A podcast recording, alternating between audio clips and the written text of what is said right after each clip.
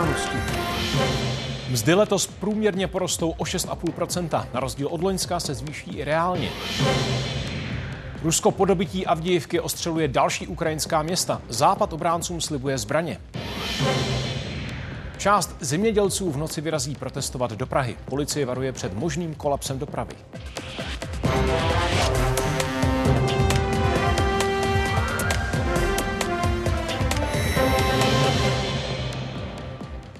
Nabízíme nedělní události. Dobrý večer. Vítejte a díky, že se díváte. Mzdy v Česku letos znovu porostou. Podle hospodářské komory plánují podniky zvyšovat výdělky nejčastěji o 5 až 10% V loni mzdy podle bankovní asociace stouply bezmála o 8% Letos očekává průměrných 6,5% Pomůže taky to, že inflace už ustoupila z vysokých hodnot očekáváme, že ten šestiprocentní nárůst se skutečně v reálu projeví více než 3% nárůstem příjmu. Vyšších mest by se díky očekávanému oživení poptávky měli dočkat zaměstnanci napříč obory. Mírně štědřejší by mohly být firmy ve zpracovatelském průmyslu. Stavebnictví loni poznamenal pokles poptávky. Kvůli nedostatku pracovníků v oboru se to ale nemohlo projevit ve mzdách. Tu inflaci v rámci mest eh, následujeme s nějakým půlročním, tři spožděním, takže očekáváme, že ještě minimálně v prvním kvartále 24 eh, určitě bude docházet eh, ke zvyšování mest někdy mezi 5 až 8 procenty. Růst mest je znát už teď při nástupu. Třeba stavby vedoucí dostane zhruba o 5,5 tisíce korun víc než v prosinci. V průměru si vydělá 53 700 korun hrubého za měsíc. Pomocné síle v gastronomii v uplynulém měsíci průměrná nástupní mzda stoupla téměř o 15% na necelých 31 tisíc. V 26 hotelech zaměstnávají kolem tisícovky lidí. Konkrétně v tomto v Praze na Žižkově jich pracuje asi 100. Mzdy jako takové automaticky nezvedáme ale máme eh, tři složky, kromě základní mzdy máme motivační systém, zaplnění nastavených úkolů, zaspokojenost našich hostů a pak jsou to benefity, kde mají nejrůznější výhody, eh, které jim také pomáhají eh, snižovat vlastní náklady. Třeba v malých začínajících firmách jsou podstatným benefitem zaměstnanecké akcie. Rozvoj brání legislativa, podle které podléhají zdanění dřív, než je pracovník prodá. To komplikuje získávání schopných lidí. V momentě, kdy se snažíte budovat opravdu rychle rostoucí firmu, která dodává do celého světa, tak potřebujete samozřejmě ty nejtalentovanější lidi a těm už v dnešní době málo kdy stačí čistě výplata. Chtějí nejenom ty peníze, ale současně ten pocit, že nejsou jenom zaměstnanci, ale právě také společníky. Vidíme celkový posun k finančním benefitům, eh, což bude tím, že ty finanční benefity jsou není méně eh, daňově výhodné. Ty různé typy bonusů tvoří 8 8,8% veškerých benefitů, eh, kdy jsou následované dovolenou, to je 8,5% a poté stravováním 8,3% Reálné mzdy by sice letos po dvou letech propadu měly růst, Česká bankovní asociace ale předpokládá, že zůstanou zhruba na úrovni roku 2018. Svou nejvyšší dosavadní úroveň z roku 2021 nepřekonají dřív než za tři roky. Jitka Fialková, Česká televize. Bankovní asociace odhaduje, že letos výdělky porostou v průměru o 6,5% Sice pomaleji než loni, ale jak zaznělo, tentokrát si lidé díky nižší inflaci mají skutečně polepšit. Reálné mzdy se po loňském propadu mají zvednout bezmála o 4 Tempo zdražování se v lednu už přiblížilo dvěma procentům. Průměr za celý rok má podle prognózy zůstat pod třemi procenty a to podpoří spotřebu domácností. Po loňském tříprocentním poklesu mají útraty lidí letos růst o 2,5% Dosud přitom spíš šetřili na energiích, návštěvách restaurací i potravinách. Dopady vysoké inflace z minulých let podle průzkumu agentury Ipsos pociťuje 85% dotázaných. Zhruba dvě třetiny respondentů si v loni dokonce s vysokou inflací dokázali poradit jenom obtížně.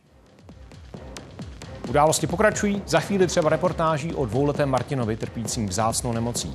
Vrátil se z léčby ve Francii, na kterou dárci přispěli přes 150 milionů korun. Při ruském ostřelování Kramatorsku a Sloviansku na východě Ukrajiny zemřeli tři lidé. Další se pohřešují. Rakety dopadly na obytné domy i průmyslové areály. Moskva zároveň potvrdila, že postažení obránců plně kontroluje Avdívku v Doněcké oblasti.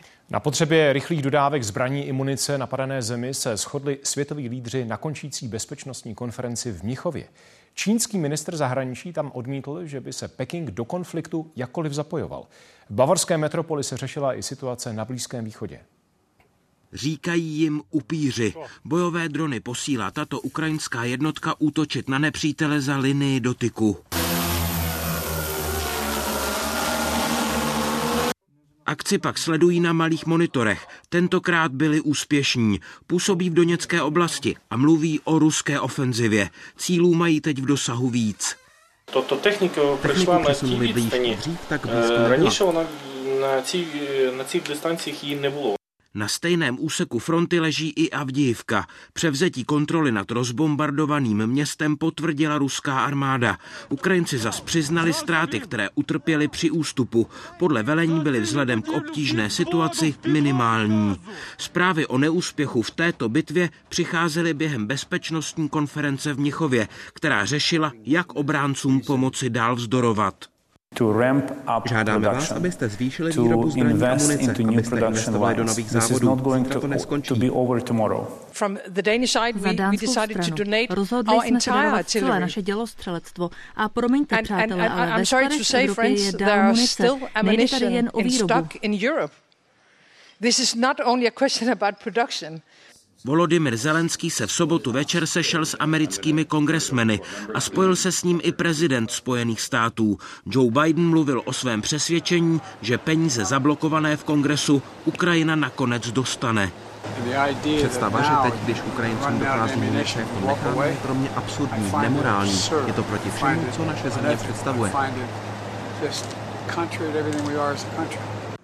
Nejen o Ukrajině, ale také o izraelsko-palestinském konfliktu se jednalo na Mnichovské bezpečnostní konferenci v tomto hotelu, a to v plénu i za zavřenými dveřmi. Myslíme také na konkrétní příležitosti, které před námi leží pro lepší a bezpečnější budoucnost Izraelců a Palestinců.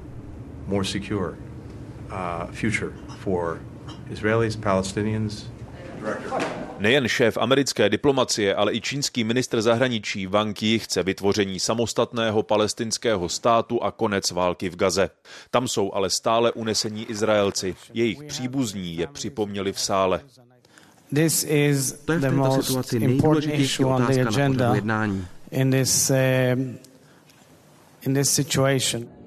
Izrael se ale musí podle kancléře Olafa Šolce držet mezinárodního práva a brát ohled na civilisty v Gaze. Lukáš Maté a Pavel Polák, Česká televize. Druhá největší nemocnice v Gaze je podle Světové zdravotnické organizace mimo provoz. Uvnitř je přitom podle jejich informací stále asi 200 pacientů. V komplexu ve městě Khan Yunis zasahuje od čtvrtka izraelská armáda. Ta obvinuje Hamás, že právě nemocnice používá jako útočiště. Na místě zadržela asi 100 lidí, které podezřívá ze zapojení do bojů proti Izraeli. Praze zítra hrozí dopravní kolaps. Část nespokojených zemědělců vyrazí do metropole demonstrovat. Nelíbí se jim třeba zelená dohoda pro Evropu. Podle Asociace svobodných odborů, která protest organizuje, přijede přes tisíc traktorů. Policie bude hlídat i to, jestli jejich řidiči neporuší předpisy, třeba jízdou po dálnicích. Varuje, že neuposlechnutí výzvy se trestá i zákazem řízení. Velké zemědělské svazy se od akce distancují. Místo na pole vyjedou traktory už po půlnoci na silnice a pak do Prahy. Část nespokojených zemědělců zamíří do metropole šesti trasami. Ze Strakonic, z Českých Budějovic, Pardubic, Hradce Králové, Lovosic a Slaného. V té cestě by měly využít silnice prvních a druhých tříd. Dálnice by to být neměla, jelikož vlastně dle silničního zákona zemědělská technika na dálnice ani vět nemůže. Protestující, kteří v traktorech pojedou od Českých Budějovic se dálnici na Prahu, mají vyhnout i tady v Mirošovicích, podle těch aktuálních informací. Policisté ale budou nejenom tady, ale i na dalších úsecích vše sledovat. to bezpečnostní opatření pro nás eh, začíná již eh, nedělní půlnocí. Jenom v našem středočeském kraji se jedná o zhruba stovku stanovišť. Eh, z toho nejvíc jich budeme mít, a to přes 70 na nájezdech na dálnice. Do centra Prahy zemědělská technika pojede například přes tyto velmi frekventované městské části a Pražské ulice. Policisté v metropoli proto budou taky v pohotovosti už od půlnoci. Máme v plánu mít tady v Praze přibližně 30 eh, hlídek dopravních policistů, eh, kteří budou situaci monitorovat a zajišťovat. Tohle je jedno z míst, kde se nejspíš dvě skupiny protestujících spojí v jednu kolonu. Z Legerovy ulice přijedou ti z Českých Budějovic a z této ulice z Ječné, ze Strakonic odsud potom všichni zamíří směrem k ministerstvu zemědělství. Kolem muzea a dál po magistrále pojedou desítky traktorů. Jen ze Strakonice Českých Budějovic jich má být až 300. Nepředpokládá se, že by jeli traktory ve obou průzích, pojedou v jednom, pojedou spořádaně. Asi nejvytíženějšími místy pro dopravu budou ta kolem Vltavy. Tedy využívat protestující budou Štefáníkův most. Tady nábřeží Ludvíka Svobody, z druhé strany protestující přijedou z Pardubic a z Hradce Králové a určitě zaplní Rohanské nábřeží. Od Lovosic pak přijedou ti, kteří využijí Hlávku most. Tohle je příjezdová cesta k budově ministerstva zemědělství. Dostat se až sem bude pro traktory složité. Běžně tady parkují desítky řidičů a prostor u ministerstva bude nejspíš uzavřený. Zemědělská technika tak bude muset stát na magistrále. Policisté budou samozřejmě tyto ne blokády, ale tyto situace, kdyby nebyla silnice průjezdná řešit, eh, musí například projet eh, složky integrovaného záchranného systému. Kolem poledne se pak protestující od ministerstva zemědělství vydají k úřadu vlády.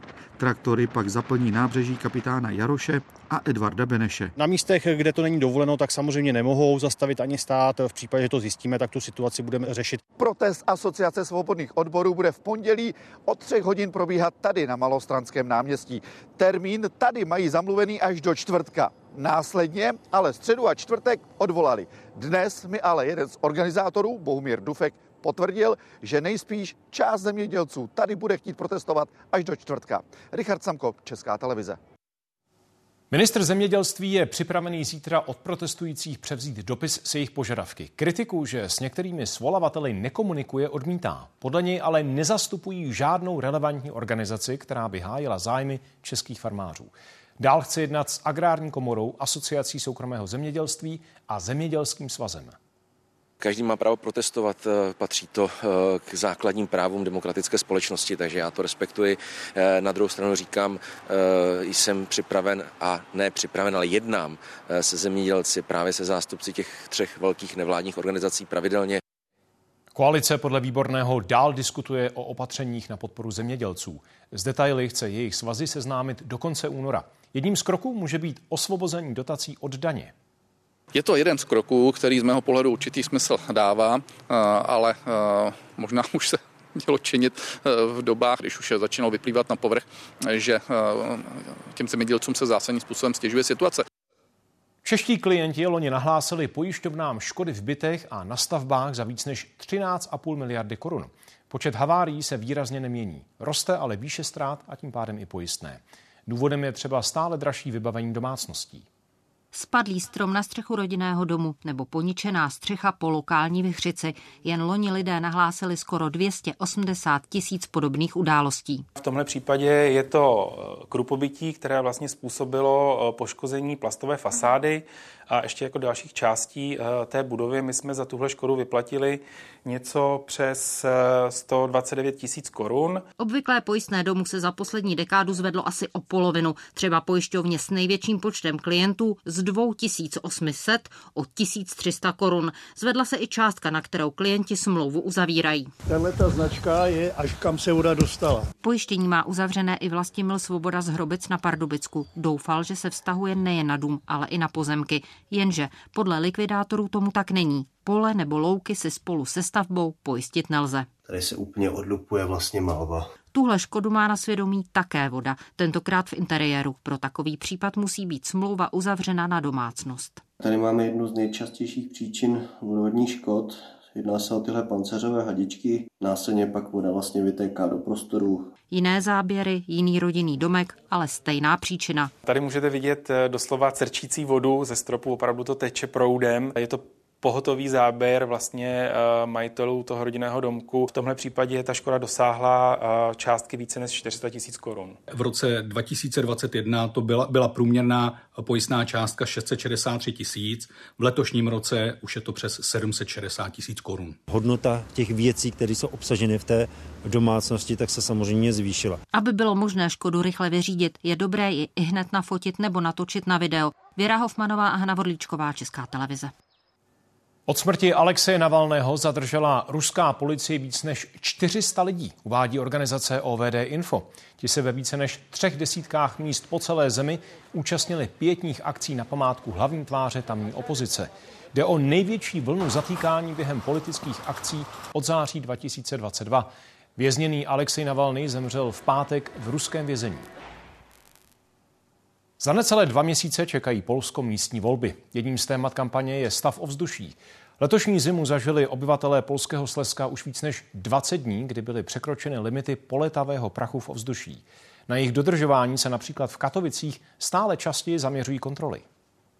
Ranní rutina smogové hlídky v Katovicích míří na ohlášené adresy, tam, kde z komínů uniká do ovzduší štiplavý nebo viditelně znečištěný kouř. Denně máme po kilka, jednotky až desítky hlášení s podezřením, že se pálí odpadky. spalania śmieci. A nejen odpadky, ale i starý nábytek, plasty nebo necertifikované uhlí. Komín analyzuje dron s citlivými senzory, které poznají, čím se topí, i když se z něj zrovna nekouří. Ten parametr nás Tento parametr nás zajímá, protože svědčí o tom, že se tady pálí nějaké zakázané substance.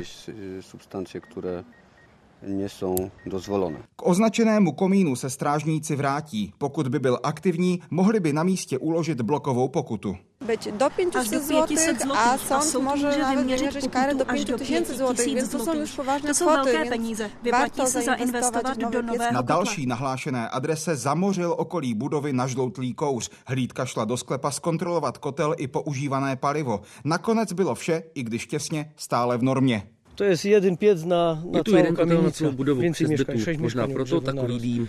Może stąd taky dym. Právě staré kotle na tuhá paliva jsou v Polsku a obzvláště v Katovicích v zimě největším znečišťovatelem. Vypouští až 80% veškerých prachových částic. Neekologických kotlů na tuhá paliva v Polsku v poslední dekádě citelně ubylo. Stále jich ale v polských domácnostech zbývá zhruba 2,3 čtvrtě milionu. Pyły zawieszone powodują zgony i to w krótkim okresie po ekspozycji.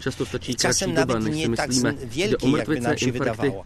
Gros zgonów, jakie mamy, to są udary, zawały, zatory, czyli ludzie umierają. Každým rokem v Polsku podle VHO zemře předčasně na 50 tisíc lidí kvůli komplikacím spojeným s dýcháním smogu. Vláda proto uvažuje o zpřísnění protismogové legislativy. Z Katovic Andreas Papadopoulos, Česká televize. O nepotřebných věcech a lidech. To je celovečerní animovaný film, který vzniká na motivy stejnojmené povídkové knihy Arnošta Goldflama. Na snímku pracují tvůrci ze čtyř zemí. Česka, Slovenska, Slovinska a Francie. A podílí se na něm i ČT. Tak jdeme tam.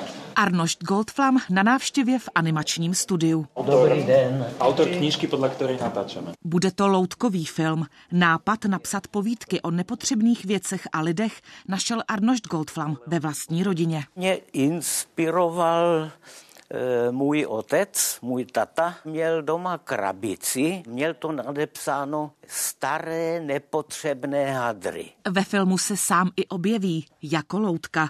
Tu vyrobili a rozpohybovali ve Francii. V tuto chvíli ji tedy sebe, vidí Arnošt Goldflam úplně poprvé. Jak se sám sobě líbíte jako loutka? Jo, velmi, velmi se mě to líbí. Vidím, že je mě to hodně podobný. Animátoři tráví ve studiu 8 hodin denně. Za tu dobu vytvoří v průměru pět vteřin filmu. Jen samotné natáčení 70-minutového filmu zabere dva roky. Celý den v tmě chce to troška pevné nervy a trpezlivost. Jak se režíruje vůbec animovaný film? Přece jenom loutky nejsou tak poddajné jako herci. Já si myslím, že loutky jsou poddajnější než herci pretože tam nemusíte pracovať s psychológiou, so vzťahmi na pracovisku. Loutka nemá vlastný názor, takže môžete nejakým spôsobom jednoduše tlamočí svou režijnou představu. Tématem příběhu je odvaha, která pomáhá překonávat těžké situace a také zjištění, že nepotřebné jsou věci jen zdánlivě. Je animovaný film potřebný? Já nevím, jestli je potřebný. Je pro děti bezvadný, protože jim otvírá imaginaci. Arnošt Goldflam se na scénáři k filmu nepodílel, namluví ale sám sebe, tedy svoji loutku. To se mně právě líbí, že zůstanu navždy tam.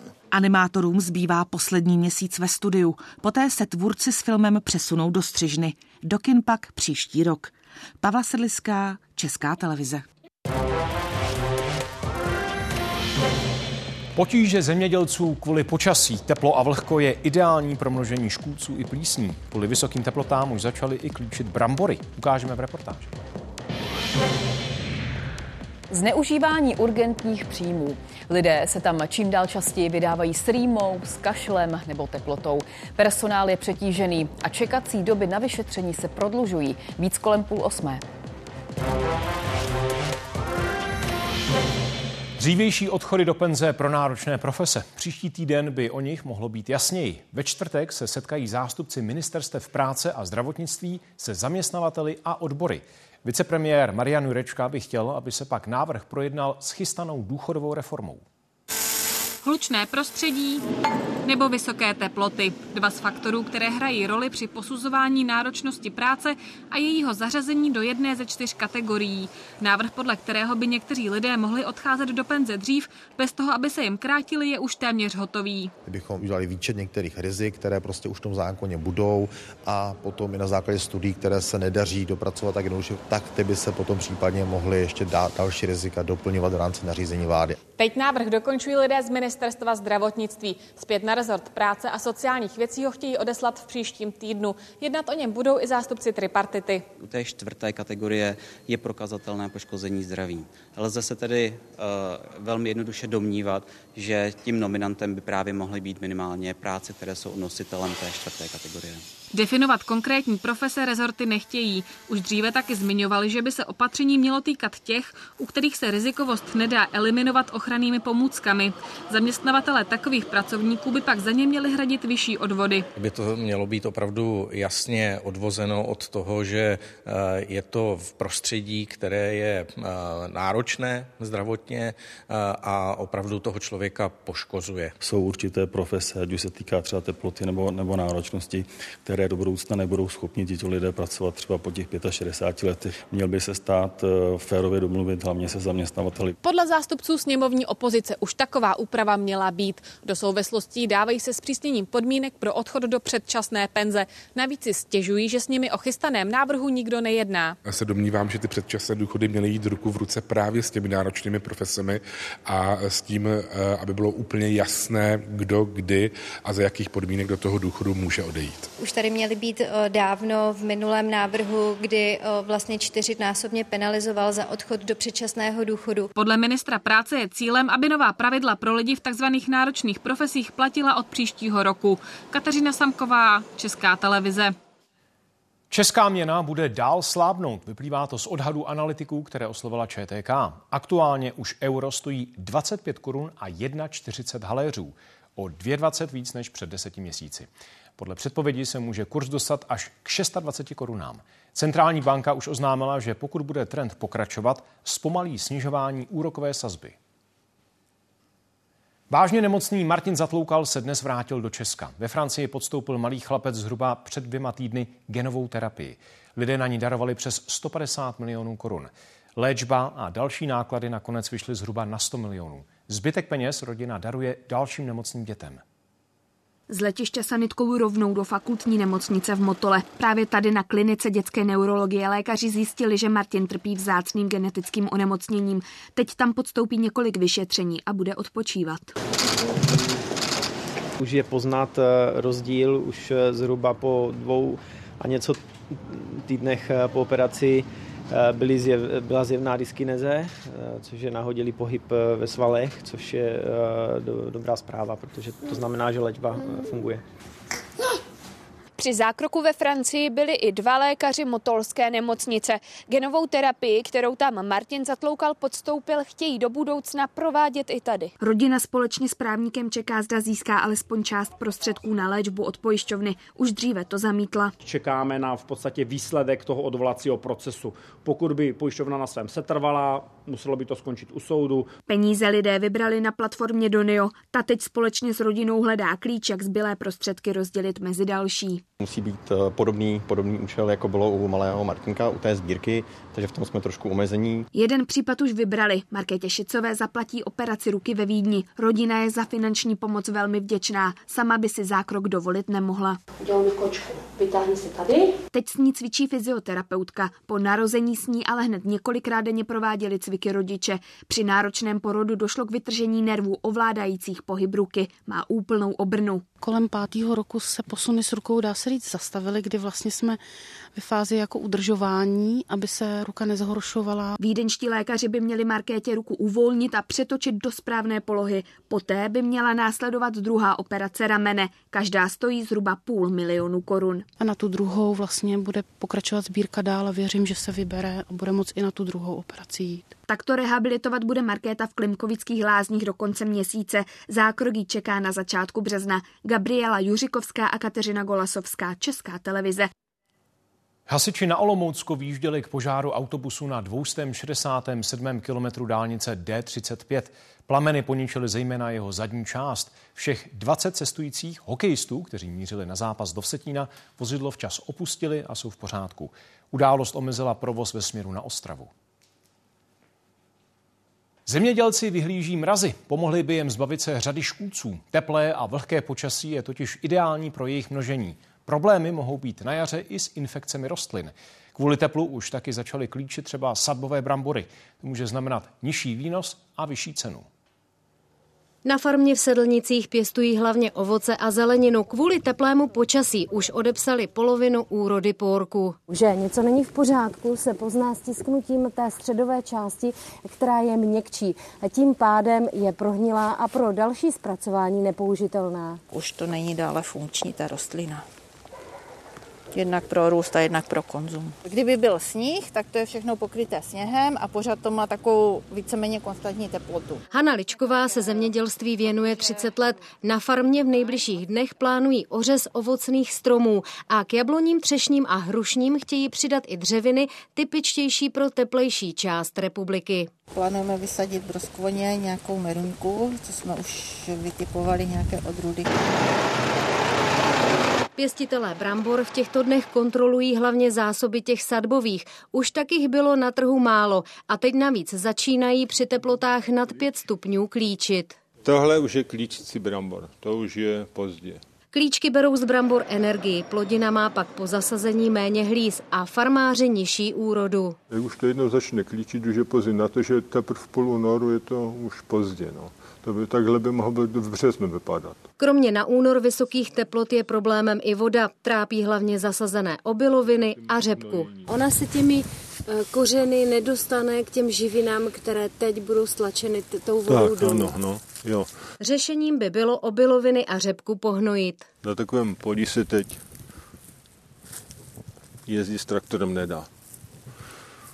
Musíme počkat, buď až vyschne, anebo přimrzne. Farmáři ale zvažují, jestli se jim hnojení vyplatí. Je drahé a výkupní ceny obilovin a řepky jsou už druhým rokem podle jejich slov žalostně nízké. Dolů je tlačí dovoz ze zahraničí. Pavla Daňková, Česká televize. Rýma, kašel, teplota nebo třeba i únava. Podle lékařů jsou tohle potíže, které se často řeší na urgentních příjmech, jenže ty jsou určené pro pacienty s akutními problémy. Počet ošetřených se navíc zvyšuje. Personál je kvůli tomu mnohdy přetížený a čekací doby delší. Podle některých zdravotníků by pomohly vyšší poplatky.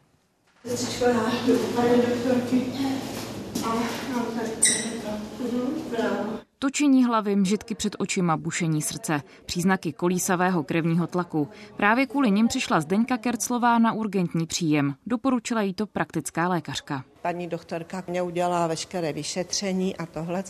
Bohužel se jí e, můj tlak nelíbil, tak mě poslala sem na Karlák, protože EKG bylo v pořádku, akorát mě ten tlak takhle kolísá nahoru a dolů. Právě takový postup je podle lékařů ideální. Urgentní příjem je totiž určený především pro pacienty, kteří potřebují okamžité ošetření. Nacházíme se na centrálním velíně, kde probíhá přebírání pacientů od záchranných služeb a také získávání informací základních od pacientů, kteří přicházejí tak říkajíc z ulice. Zhruba o čtvrtiny pacientů se zdravotníci dozvědí, že jsou zřejmě nachlazení nebo je už řadu týdnů bolí záda, jenže takové případy na tohle oddělení nepatří. Je to určitá zátěž pro lékaře. Samozřejmě bojujeme se stále zvyšujícími se počty pacientů prodlužuje se čekací doba, kterou vlastně i ti samotní pacienti potom velice špatně snáší. Podobné zkušenosti mají i další nemocnice. Nejčastěji uvádějí, že zhruba pětina pacientů přichází na jejich urgentní příjem s běžnými neakutními potížemi. Třeba v Karlových Varech nebo Olomouci je to dokonce třetina, v Liberci bezmála polovina. Na urgentním příjmu Pražské motolské nemocnice přijmou denně v průměru 250 pacientů. Zhruba polovina těchto případů by ale šla řešit u praktických lékařů. Opravdu je něco rozdílného, když někoho přivezou po dopravní nehodě a že někdo přijde s teplotou. A spoustu lidí tohle to nedovede pochopit. My viděli někdy komické scénky, kdy lidé, aby se jako dostali dopředu, předběhli, tak jako filmovali různý kolapsy. No to bylo vidět na kamerách v hale, jak se tam způsobně se souvali tak, aby se jim pokud možno nic nestalo. Podle některých lékařů by pomohly poplatky. Na urgentech se neplatí. Ošetření na pohotovosti vyjde na 90 korun. Regulační poplatek určitě je jeden ze způsobů, jeden ze způsobů, jak uh, Eh, omezit tuhle tu péči, která je, eh, je nadbytečná. Nějaká spoluúčast pacienta do budoucna asi je možná, ale hlavně důsledně, aby mohla fungovat primární péče a tím, aby ty pacienti měli šanci se tam objevit a nemuseli chodit k nám do nemocnice. Ministr zdravotnictví teď o nových poplatcích neuvažuje. Situaci chce řešit povinným zavedením pohotovostí v nemocnicích s urgentním příjmem. Sestra, která dělá třídění, rozhodne o tom, jestli ten pacient je v ohrožení života a jde na urgentní příjem příjem, anebo je to pacient, kterého týden bolí záda a teď se rozhodl v sobotu večer po pracovní době, že e, zajde e, k lékaři a ten jde na tu pohotovost a tam samozřejmě platí ten poplatek. Lékaři ale tvrdí, že právě takhle by pacienti k pohotovostem přistupovat neměli. Určené jsou podle nich k řešení menších, ale stále akutních potíží a ne k suplování práce praktiků. Redakce a Johana Šulcová, Česká televize. Teď je v Česku podle krajských úřadů 129 pohotovostí pro dospělé nebo děti. Kromě nemocnic je tato služba často poskytována třeba na poliklinikách nebo v budovách záchranných služeb. Jak už ale zaznělo, minister plánuje změnu. Pohotovosti by podle něj měly být primárně v nemocnicích s urgentními příjmy. Jsou vyznačené červeně. Aktuálně jich je v Česku 97. Pokud by novela prošla, byly by navíc za provoz lékařské pohotovostní služby zodpovědné nově pojišťovny a nikoli v kraje, jako je tomu nyní. To by mohlo znamenat, že některé pohotovosti zaniknou. S obsazováním služeb na pohotovostech je přitom už teď na mnoha místech problém. Praktici je často sloužit nechtějí. Novela, kterou rezort chystá, to podle pojišťoven nevyřeší, jen přenese zodpovědnost z krajů na ně. Šéf Združení praktických lékařů návrh vítá. Lidé pohotovosti mimo nemocnice podle něj stejně využívají málo, i kvůli omezenému vybavení ambulancí. Dobrý den, si další. Už jenom příští týden bude fungovat víkendová dětská pohotovost ve Dvoře Králové. Zdravotníci už dál službu poskytovat nechtějí. Máme hodně pacientů, snažíme se jim věnovat. Sice patříme ještě mezi ty nejmladší, co je v obvodě, ale mládí už to taky není, takže je to znát, prostě, že si musíme jako odpočnout přes sobotu, neděli. Počítám s tím, že budu jezdit jinam. Kam? Buď do Trutnova nebo do Hradce, není to zase tak daleko. Nedivím se, s dvouma doktorkama to zvládnout nejde a víc doktorek tu není dětských. A na druhou stranu prostě, ano, bude to dělat komplikace. Od března bude tuto službu pro oblast Dvora Králové zajišťovat nemocnice v Trutnově, ale rodiče mohou s nemocnými dětmi přijet i do nemocnic v Náchodě a Jičíně. Spojování urgentních příjmů s lékařskou pohotovostní službou je podle praktických lékařů správný krok a počítají s tím, že k tomu dojde i v dalších regionech. Přijde pacient s bolestí na hrudi, Na té LPSC dost často není ani EKG, ale i když tam je, tak dneska na základě negativního EKG neumím vyloučit, že se nejedná o akutní koronární postižení a stejně potřebuji udělat nějaké laboratorní a další vyšetření a toho pacienta posílám do nemocnice. Lékařská komora se ale obává, že přesun pohotovostí výhradně do nemocnic zatíží záchranáře, protože se pacientům nebude chtít dojíždět. Přitom už teď si lidé často volají sanitku k neakutním potížím. V některých krajích je to každý druhý případ. Točí se vám hlava. Řešil jste to s praktickým lékařem? Vy se nemůžete dopravit do nemocnice sám. No, že by vás tam někdo. No a byl tam nějaký alkohol? CB To jsem měl pít alkohol, jestli má tyhle ty potíže. Ve chvíli, kdy všechny posádky záchranné služby jezdí po kraji k teplotám, bolestem zad a týden starým obtížím, no tak se může stát, že pak nebude ta posádka na místě, kde došlo k zástavě oběhu, eh, k těžkému zranění. Záchranáři ale zároveň upozorňují na to, že třeba u starších nebo dlouhodobě vážně nemocných lidí může i menší potíž typu nachlazení znamenat ohrožení života. A v takových případech je pak vytočení čísla 155 správný krok. Krajské redakce a Johana Šulcová, Česká televize. K tomuto tématu je to vše. V událostech ještě ukážeme příběh útulku, který zachraňuje laboratorní psy. Druhou šanci na život už dal přes stovce bíglů. Víc v reportáži. Předseda Asociace krajů a jeho český hejtman Martin Kuba z ODS kritizuje styl řízení ministerstva školství i komunikaci Mikuláše Beka. V otázkách Václava Moravce řekl, že požádal premiéra, aby se situaci věnoval. Výhrady k práci ministra z hnutí stan měla v týdnu i šéfka sněmovny. Na platy 2000 školníků, kuchařek a uklízeček chybí asi 800 milionů. Musí být velký politický neumětel, abyste dokázal během pár měsíců jako zorchestrovat dvě stávky. Začne školní rok. Minister se postaví před všechny ředitele a řekne, učte, je to všechno prima, v pohodě, nic, žádný problém nemáme. Nikdo jsme ho na začátku školního roku neměli. Najednou přijde říjen a pan ministr řekne, ty jo, já nemám peníze. Kritiku hejtmana Martina Kuby, která na mou adresu zazněla v dnešních otázkách Václava Moravce, považuji za nespravedlivou a pokryteckou. Kvituji nicméně jeho vyjádření, že školství je jedna z nejdůležitějších věcí, které máme a vláda pro něj proto musí zajistit adekvátní rozpočet. V tom se naprosto shodneme. Věřím, že stejně bez obalu tyhle věci řekne i svým spolustraníkům. Hotely v Českém Švýcarsku loni ubytovali rekordní počet turistů. Dohromady tam strávili 470 tisíc nocí. Vyplývá to z dat zprávy Národního parku. K výletům si ale lidé vybírají hlavně místa neponičená požárem v letě 2022. V Řensku, které bylo nejvíc zasaženo, turisté stále chybí. Místní vyzvali premiéra Petra Fialu, aby pomohl. Dolský mlín nebo Marijina vyhlídka. Místa, která podle měření loni lákala turisty v Českém Švýcarsku. Jsou kilometry vzdálená od těch, kde před rokem a půl hořelo. Takhle se rozzuřil požár ve Hřensku. Tohle Milan Dařina natočil, když tehdy hasiči vyhlásili evakuaci. Říká, že od té doby na procházku do lesa nešel. To nás straší, přesně. Tady na to, když se podíváte, tak opravdu do toho stačí hodit cirku a, a, je, a je neštěstí hotový. Je jedním z iniciátorů výzvy Otevřete České Švýcarsko. Ta chce, aby se stezky uzavřené po požáru kvůli nebezpečí pádu stromu a skal znovu otevřely jsem proto, aby se to vykácelo. Aby eh, vláda zajistila prostředky a vymezila určitý počet dostatečných lidí na to, aby nám se pomohla potud, že ty stezky budou opět průchodné. A tady jsme v jedné z nich, v uzavřené Edmundově soutězce. Přes cestu, kde dřív za sezónu prošlo 300 tisíc turistů, se nedávno prohnal kus skály. Ve svahu jdou vidět, kud má hopsal dolů a docela nabral vysokou rychlost a skončil v kamenici. Skálu vyvrátil při pádu ohořelý strom. Takových jsou tu podle zprávy parku tisíce. Pokud bychom je měli třeba všechny pokácet, tak bychom toto údolí zcela zdevastovali. Podle geologů je pádu víc než obvykle, všechny na spáleništi. Uprostřed něj je i Pravčická brána. Jedna ze dvou cest k ní je zavřená. Na ní padají mohutné stromy. Dřevorubci zrovna v parku provádějí bezpečnostní těžby. Signatáři výzvy ale chtějí, aby jich bylo víc. Všichni chceme, aby se situace co nejrychleji zlepšila a turisté mohli opět zavítat do všech oblastí parku. Patřičné kroky v tomto činí jak Ministerstvo životního prostředí, tak Ministerstvo pro místní rozvoj. V Českém Švýcarsku je volně přístupných 150 kilometrů cest. Zpráva parku láká na ně. Chystá třeba novou vyhlídku. Petra Musilová, Česká televize.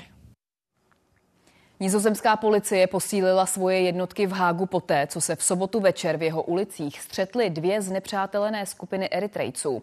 Stoupenci a odpůrci režimu v africké zemi napadli i policisty, kteří na místo přijeli zasáhnout a zapalovali auta. Těžkooděnci použili slzný plyn a několik výtržníků zatkli.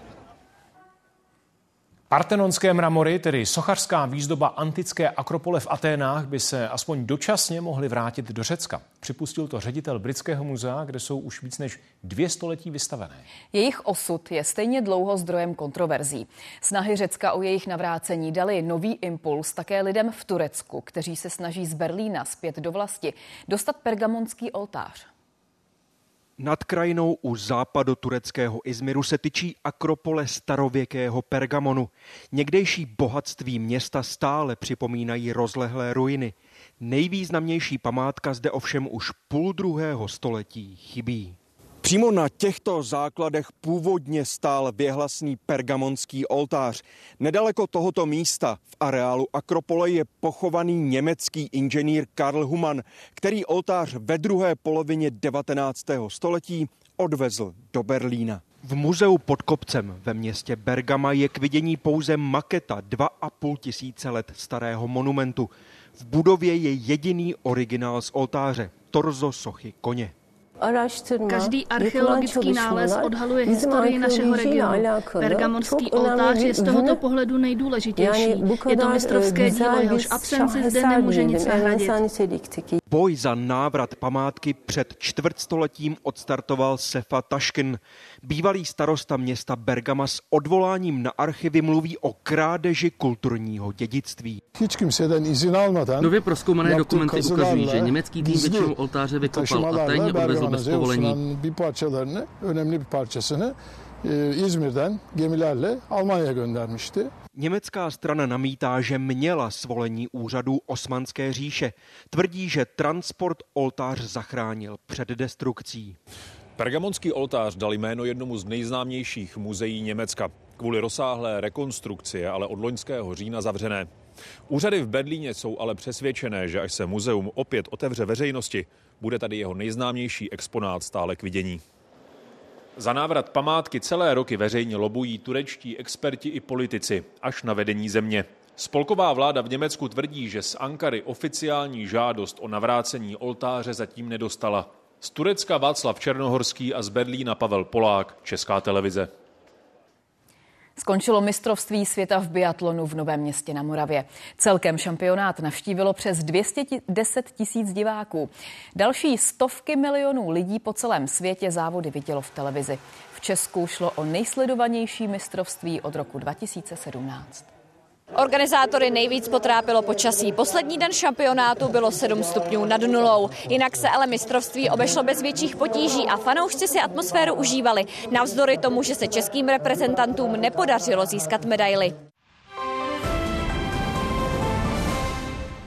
Výměna hradních kancléřů. Když jste hodně vysoko, tak tam hodně fouká. Je taková ta hra o trůny. No tak jednou vyhrajete vy, po druhé prohrajete. Od čím opakovaně znásilňoval nezletilou. Podle soudu není násilník. Nevím, co si teda představuje eh, krajský soud v Brně pod slovem násilník a možná to ani nechci vědět. A Jágrovi rytíři na dně tabulky. Jaromír Jágr by potřeboval si přiznat, že na všechno sám nestačí.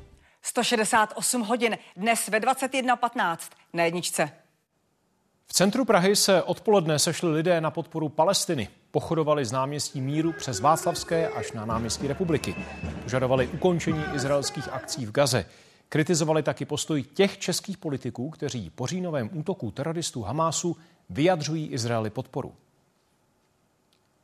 Vláda slibuje další úlevy od byrokratické zátěže. Ministr pro legislativu teď zkoumá připomínky k návrhům, které mají třeba zmírnit povinnosti živnostníků. Zjednodušit se má i získávání průkazu pro zdravotně postižené.